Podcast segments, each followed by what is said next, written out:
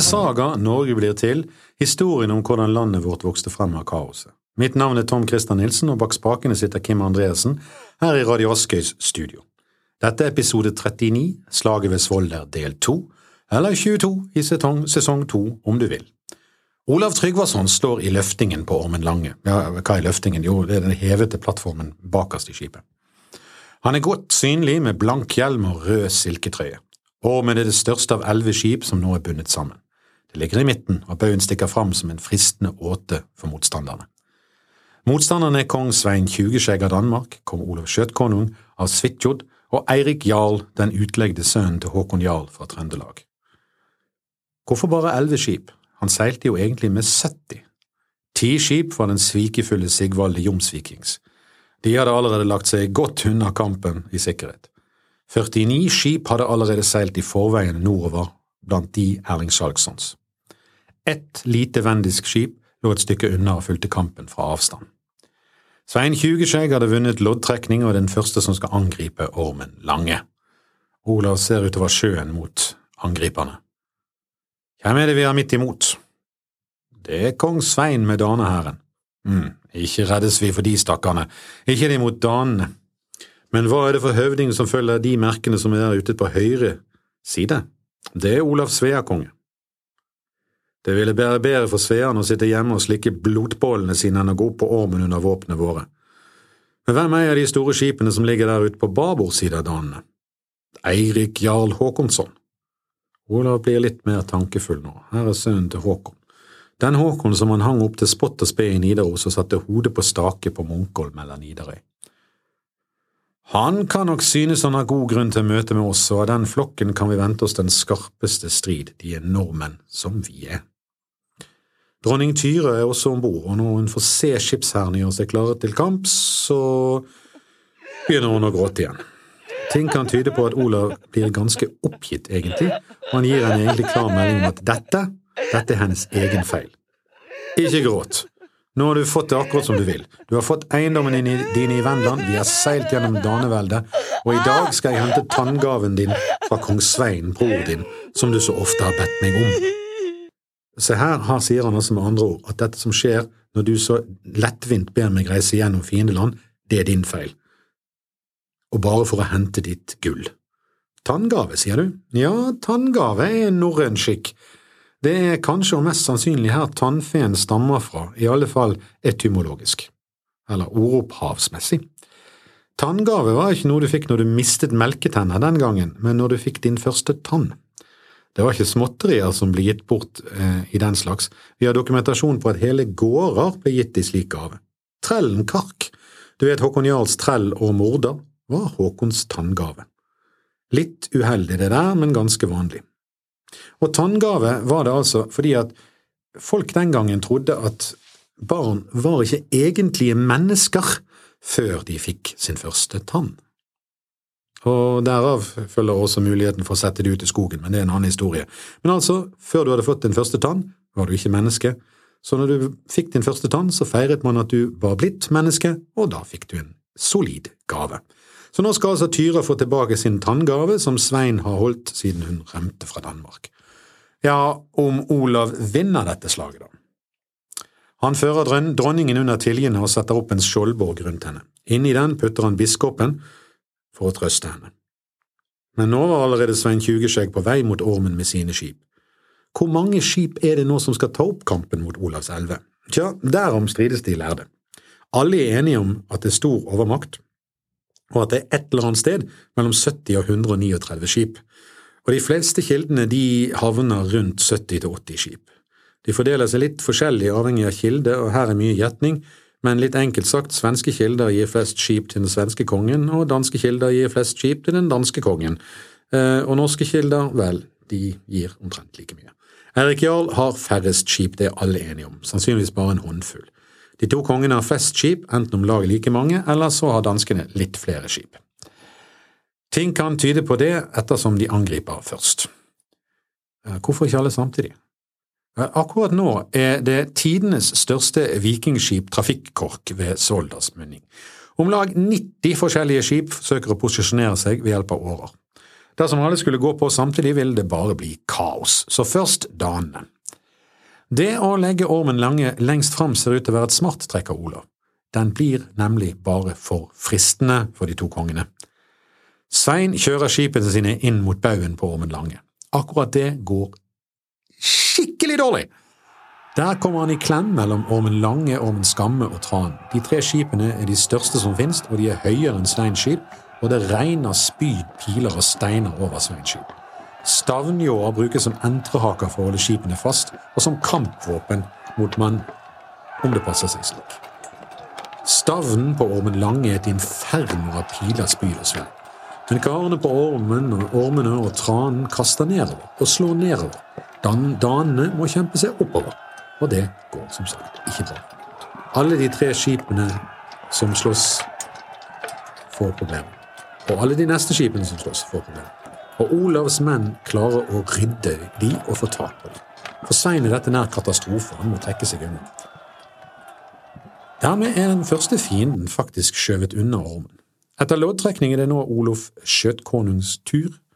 Han legger til Ormen Lange og drar 15 skip med seg i kampen og det går lukt åt helvete. Svenskene får samme behandling som danskene ved Ormen Lange. Olof er glad han slipper unna i live. Det sies at de fleste av hans menn er såret når de trekker seg unna. Svein og Olof har gjort en stor taktisk bommert. I en jevnere kamp ville det hele vært over nå, og daner og sveer måtte ha dratt hjem med halen mellom beina. Ormen Lange har blitt for fristende. Æren ved å vinne dette skipet har tatt plassen for sunne taktiske vurderinger. Det er ikke mulig å vinne Ormen på den måten. Heldigvis for Svein og Olaf har de så mange flere skip enn Olav at de kan tåle tapene. Og de har Eirik Jarl.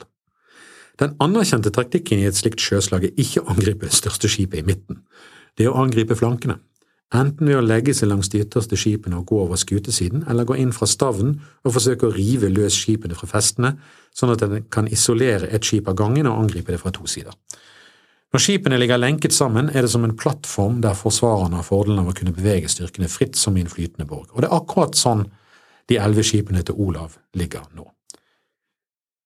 Det angrep fra flanken Eirik Jarl har drevet med mens kongene har jaktet prestisje og høstet død og fordervelse ved Ormen Langes stavn. Olav kan se Eirik arbeide seg systematisk nærmere Ormen Lange fra kanten. Eiriks skip, Jernbarden, er spesielt utstyrt. Skal en lese sagaene bokstavelig, er dette et pansret skip, det vil si det er jernbeslått og laget for å kunne ramme andre skip. Ikke akkurat pansret, men det er utstikkere og detaljer av jern som gjør skipet spesielt egnet til sånn kamp. Det er dette spesialskipet Eirik nå bruker for å ramme og legge seg langs de ytterste skipene. Systematisk gjør han nå det arbeidet kongen har vært for prestisjesugne for å gjøre. Han legger seg langt ytterste skip med bredsiden til, og gang på gang ryddes skipene til Olav. Skip etter skip ryddes, og Eirik kapper de løs etter hvert. Slik arbeider han seg systematisk nærmere Ormen Lange fra siden. Olavs folk flykter videre til neste skip så lenge det går. De danene og sveene som er igjen, ser hva Eirik gjør, og legger til fra alle sider og gjør som han, og hjelper han. Nå er det Eirik Jarl som styrer kampen, og de mektige kongene blir bare bifigurer herifra ut. Om en kunne fly som ravn, ville en nå se et merkelig skue. Ytterst drev en rekke skip nå uten mannskap og styring på måfå. Det var de skipene som var ryddet fra begge sider. Utenfor alt sammen lå en gruppe på ti skip rolig ved land. Det var Sigvalde. Et stykke lenger bort lå et lite vendisk skip stille og betraktet kamparenaen. I stormens øye lå nå Ormen Lange, Trane og Ormen Skamme. Utenfor dem lå Eirik Jarls jernbaden langs med skipene til Olav. Rundt dem var det et mylder av andre skip som pekte i alle retninger og forsøkte å komme til for å være med i kampen. Det så ut som en malstrøm av vikingskip med Ormen Lange i midten, større og høyere enn alle andre.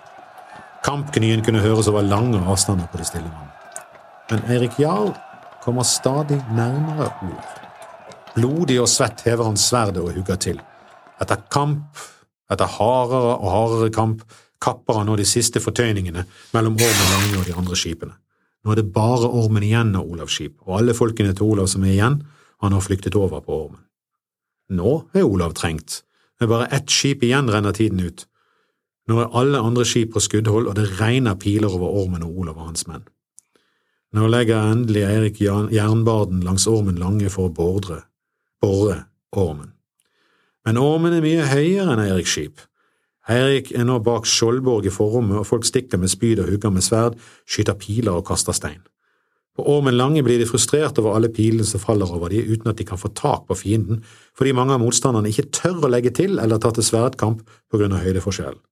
De skyter heller piler. Noen av Olavs folk blir så gale av stridståken at de går opp på relingen for å finne noen å slåss med. Der løper de i noen tilfeller rett i sjøen, for i blodtåken tror de at de er på slagvollen på land. Kanskje noen har spist litt mye fleinsopp. I kapperommet på Ormen står Einar Tambarskjelv og skyter som gal med pil og bue, og han skyter godt og hardt, og han sikter på Eirik Jarl, og Tambarskjelvet betyr faktisk den spente bue. Det er nok der han har fått navnet sitt fra. Eirik Jarl skvetter til en pil farer forbi hodet hans og bommer med noen millimeter og borer seg inn i styrestangen bak ham så hardt at den står langt inn i planken. Et sekund senere kommer en ny pil, og den farer mellom armen og kroppen på jarlen og smeller inn i hodeplanken bak jarlen går gjennom den. Hadde den bare vært noen millimeter til siden, hadde dette slaget vært over nå. Men Einar Tambarskjelvet bommer. Nå blir jarl skjelven, denne bueskytteren må stoppes. Han har selv en dyktig bueskytter, Finn, som kanskje er en same, og Eirik roper til han, Finn, skyt den store mannen midtskips! Finn svarer noe merkelig. Jeg kan ikke skyte en mann som ikke er til døden etlet. Finn mener at denne mannen er skjebnebestemt til å leve. Men Finn skyter likevel og treffer Einars bue, som knekker med et høyt smell akkurat idet Einar har spent den. Hva brast så høyt? roper Olav Tryggvason. Norge har din hånd, konge. Så stor brist har vel ennå ikke skjedd, ta buen min og skyt med den.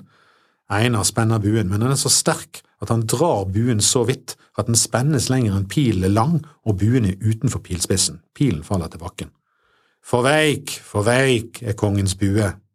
Einar kaster buen tilbake til Olav, tar opp skjold og sverd og kjemper djervt videre. Einar er 18 år.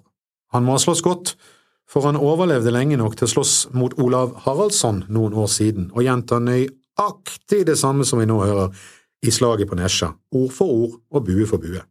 Eller så lånte kanskje bare Snorre denne historien derfra og puttet den inn her for dramatikkens del. At Einar var god med buen, er ingen tvil om, som sagt, navnet hans betyr altså den utspilte buen. Men det ville jo være rart om trønderen Einar var der, når det ellers skrives at Olav savnet trønderne i kampen. Nå begynner det å ta på. Olav Sjøle er fremme i kampen og står i løftingen og skyter med pil og bue og kaster spyd, ofte to og to i samme slengen. Det er nok av mål, ingen grunn til å sikte så nøye. Motet til kongen blir lagt merke til av både venn og fiende. Det står frykt og redsel av ham hos fienden, og han gir egne menn mot. Men det røyner på. Likevel, Ormen Lange er en hard å knekke. Den er høy og stor, og det er vanskelig å komme opp og overleve samtidig. Eirik forsøker to ganger. Det er tynne midtskips på Ormen Lange, det er litt færre folk der, og Eirik følger etter en ildhuge tagladarbane som løper opp på stavnjåen og kommer seg opp på reilingen. Det er Hyming, en av Olavs slektninger, som går mot jarlen og slår han tilbake ned i jernbanen. Hyming fikk et voldsomt ry for denne kampen. Han ga kort og greit jarlens menn en god omgang. Nå skiller historiene litt lag. Jarlen kommer seg opp på relingen en gang til. Ifølge Snorre tar nå sluttspillet til, men skal vi fløye, følge Flatøybukk, der har historien noen svinger igjen. Og de svingene er nok for å forklare noe helt spesielt. Hvordan en gjeng hedninger kunne overvinne den store kristne kongen. Det er rett og slett skrevet for å bortforklare at Olav tapte. Så la oss se på det. Hva ser jeg, sier Olav. Kjørte dere jarlen ned fra Ormen? Det var et skikkelig karstyrke. Det var også å vente, for Eirik Jarl vil ikke seire så lenge han har Thor i stavnen. På jernbanens stavn har Eirik hengt opp en Thors hammer eller en Thors figur. Eirik ramler ned i jernbanen og reiser seg rasende. Skal det være helt umulig å få tak på denne Ormen Lange? Det tynnes i rekkene der oppe, men de slåss fortsatt og det er litt for lett for de å stoppe angrepene fra de lavere skipene. Han hører Olavs ord om Thorshammeren og blir litt tankefull. De har kjempet så lenge nå at det begynner å ta på for begge sider og for sverdene. Olav ser at sverdene biter dårlig, og mennene begynner å klage på det. Olav finner nå frem nye sverd som biter bedre. Når han henter sverdene, ser flere av mennene at det pipler blod fram under brynjen hans. Er kongen såret? Er det alvorlig? Men nå blir det rett og slett en pause i slaget, ifølge Flatøybok. Både Dan og Sverre og Eirik Jarlsland flyktige har fått så mye tap at de må omgruppere seg. De tre høvdingene rådslår nå om hva de skal gjøre. I løpet av kampen har forholdet mellom de endret seg dramatisk. Der Svein var den ubestridte leder frem til kampen begynte, er det nå Eirik Jarl som fremstår som dem som vet hvordan man fører krig til sjøs. Gi meg mannskapsstyrke slik at jeg makter å hevne far min, krever han av danske- og svenskekongen. Kongene gir han det, og de avtaler at han skal få Ormen Lange, og at de tre skal dele Norge seg imellom om de vinner. Jernbaden blir tømt for sårede, og nye usårede menn blir tatt om bord. Eirik tar nå ingen sjanser. Han kaster Thor vekk og setter opp et krusifiks i stedet. Eh, eller så bare snur han Thor-hammeren opp ned, så det blir et kors istedenfor en hammer. Kanskje det er psykologi, han skjønner at han trenger å fjerne inspirasjonen hos motstanderen, i alle fall ikke gi de noe mer å tro på enn det de trenger. Men Eirik tar virkelig ingen sjanser nå, og på finurlig vis klarer han nå Flatøybok å få det til at det er Olav Tryggvason som egentlig vinner slaget mot seg sjøl. Eirik spør en Torkjell Høge om råd, og Torkjell Høge sier som så. Jeg kan si det Olav Tryggvason sjøl sa da folk snakket om Ormen Lange, at den ikke kunne bli tatt i rom sjø uten dersom en stor mast ble felt over den og holdt på plass slik at den kunne gå opp på skipet. Med andre ord, en mast kunne bli felt over ormen, og dermed fungere som både en vekt som vippet ormens side ned, og som en leider man kunne gå for å komme opp. Dermed kunne en komme til. Dette er selvsagt Olav Tryggvasons eget råd mot eget skip. Mens Eirik planlegger neste angrep, er det sterk diskusjon om bord på Ormen Lange. Flere av mennene mener nå at det er ingen skam i å komme seg vekk, overmakten er for stor. De ber Olav om å heise seil og komme seg unna. Igjen nekter Olav. Han frykter ingen. Nå kommer Wenda-skipet bort til han igjen, og de tilbyr seg å komme om bord og slåss med han. Olav takker nei. Han vil at de skal ligge der de ligger, så kan de bli til nytte seinere. Hva er det med dette mystiske Wenda-skipet? Hvorfor vil Olav ha de liggende utenfor kampen? Svaret får vi ikke ennå, men nå er tiden ute. Erik Jarl og Jernbaden med forsterkninger kommer mot de, og kampen begynner igjen. Jernbaden braser inn i Olav, i Olavs skip, Ormen, Lange, så utsmykkingene faller ned, og med uthvilt mannskap går han hardt på men det går ikke. Mannskapet på Ormen har også fått hvilt seg, og med nye krefter og nye sverd så slår de hardt fra seg. Eirik kommer ikke opp. Nå er gode råd dyre, og Eirik tar en avgjørelse. Ned med masten! Folkene hans blir helt sjokket og ser forundret på. Fell masten vår over Ormen! De lurer på hva i Helgoland han nå holder på med, men de følger ordre. Masten på jernbanen raser ned på Ormen, og ormen vipper med det samme mot jernbanen. Nå er fribordet lavere, og de har en leider å gå. Og nå går jarlens menn på. Opp masten, over relingen, opp på ormen. Mennene på ormen løper til for å stoppe dem, men nå begynner det å tynnes andre steder. Og med ormen, reling, ormen Langes reling vippet ned, kommer jarlens menn opp flere steder. Nå er det hard kamp for livet om bord i ormen. Torstein Oksefot, du vet han som drepte trollene på Heidarskog, blir så gal at han griper seilbommen og feier menn over bord med den. Olav sjøl kaster tre spyd mot Erik Jarl. Begge bommer. Alle tre bommer på mystisk vis. De vil liksom ikke treffe ham. Nå virker det som Olav mister litt motet. Han ser mennene sine falle én etter én, de sterkeste og beste mennene i hele Norge. Og han bommer med tre spyd. Slik bommet jeg aldri på noen mann. Hm, det er nok Guds vilje at han skal ha Norges rike. Det gikk slik jeg sa, han ville aldri seire med Thor i stavnen. Det er jarl som har overtaket nå. Kongen skjønner at det er slutt. Han strekker likevel ikke våpen. Han gjør som andre før ham i slike situasjoner. Han hopper i sjøen. Og med det er slaget over, Olav Tryggvason er borte fra sagaen. Et seiersbrøl vokser fra Ormen Lange og brer seg over hele skipsherren. Dagen er vunnet, Ormen er tatt, Olav er borte, og for Eirik, hans far Håkon Jarl, er hevnet. For Sigrid Slaget med hansken er hevnet. Under tiljene finner de dronning, dronning Tyra gråtende. Ikke overraskende. Eirik er etter alt å dømme en skikkelig fyr. Det viste han også i slaget ved Gjørungavåg, da faren ville drepe alt og alle, og han ga dem grid. Han forsøker å trøste Tyra og forsikre henne om at hun vil bli tatt godt vare på. Men Tyra gjør som Tyra gjør. Hun gråter, og hun slutter å spise. Er Tyra anorektisk? Det blir bare spekulasjon, men det er i alle fall sikkert at når Tyra skal forsøke å kontrollere eller håndtere situasjoner som hun har vansker med å, håndtere, så begynner hun å gråte og slutter å spise. Men det er ett problem. Dersom hun bare slutter å spise, er det jevngodt med selvmord, og det er en dødssynd. Så hun må spise litt for å ikke bli fordømt og havne i fortapelsen. Eller helvete, om du vil. Hun spør om råd fra den nærmeste ernæringskonsulenten, biskop Sigurd. De geistlige, den geistlige gastronomen gir henne råd, og det viser seg å være mer basert på tro enn kunnskap, og etter ni dager dør Tyra av sult eller dehydrering. Med det ligger veien åpen for nok et jarlestyre i Norge. Kongen er borte, dronningen er død, det er ingen arving, og blodøksene har mer eller mindre utryddet ynglingretten. Ja, med unntak av en liten kar på syv år som var sønn av avdøde og innebrente Harald Grenske, da, men han telte ikke. Ingen visste, vet dessuten hvor han er. Olav heter han visst også. Eirik Jarl seiler hjem til Lade for første gang på mange år, om bord på den riktignok ille skamferte, men fortsatt gigantiske og store og flotte Ormen Lange. Hans eget skip på slep, masten er jo blitt litt skadet, kan en si, da den ble felt over Ormen Lange. Nå er det han som styrer Norge. I alle vel den delen som er verd å styre. Hålogaland, deler av Trøndelag, Vestlandet og Agder. Broren Svein får styre resten av Trøndelag og Møre og Romsdal og Ranrike på vegne av svenskekongen. I det hele tatt noen, for, forvirrende geografisk, dette her. Eirik får også noe på Østlandet i len av danskekongen som sitter på Viken. Norge slutter å eksistere, egentlig. I stedet er det et Rest-Norge under Eirik, et svensk overherredømme over halvparten av Trøndelag og Møre og Romsdal samt Ranriket, og et dansk Viken. Kanskje som et symbol på underkastelse, men også av politisk nødvendighet, eller kanskje bare fordi han fikk seier da han hengte opp krusifikset istedenfor Thor, men Eirik lar seg døpe. Utenom det er Eirik som vanlig klok og lar folk tro på det de vil. Religion blir igjen en privatsak, men ved å sjøl være kristen slipper han å bli offer for et religionsbegrunnet angrep selv. Og snipp, snapp, snute, så var Olav Tryggvason ute. Litt seinere dør også hunden hans, og dermed den blinde mannen fra Moster sannspådd. De fire tingene har hendt. Ormen Lange er borte, Olav Tryggvason er borte, dronning Tyre er borte, og hunden Vige er borte. Eller? Lenger nord ligger Erling Skjalgsson og undrer kommer ikke Olav Tryggvason snart, hvor blir Ormen Lange av?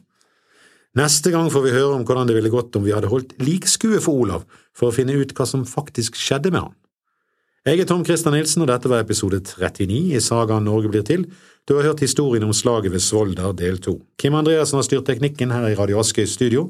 Idé, manus og sluttproduksjon ved Tom Christer Nilsen. Spørsmål og kommentarer kan sendes til tom.christer.gmail.com. Vi avslutter med et vers fra Håvamål. Måtelig klok var man være, ovklok være han ikke, sin lagnad ingen øyne føre åt, da er han selast i sinn.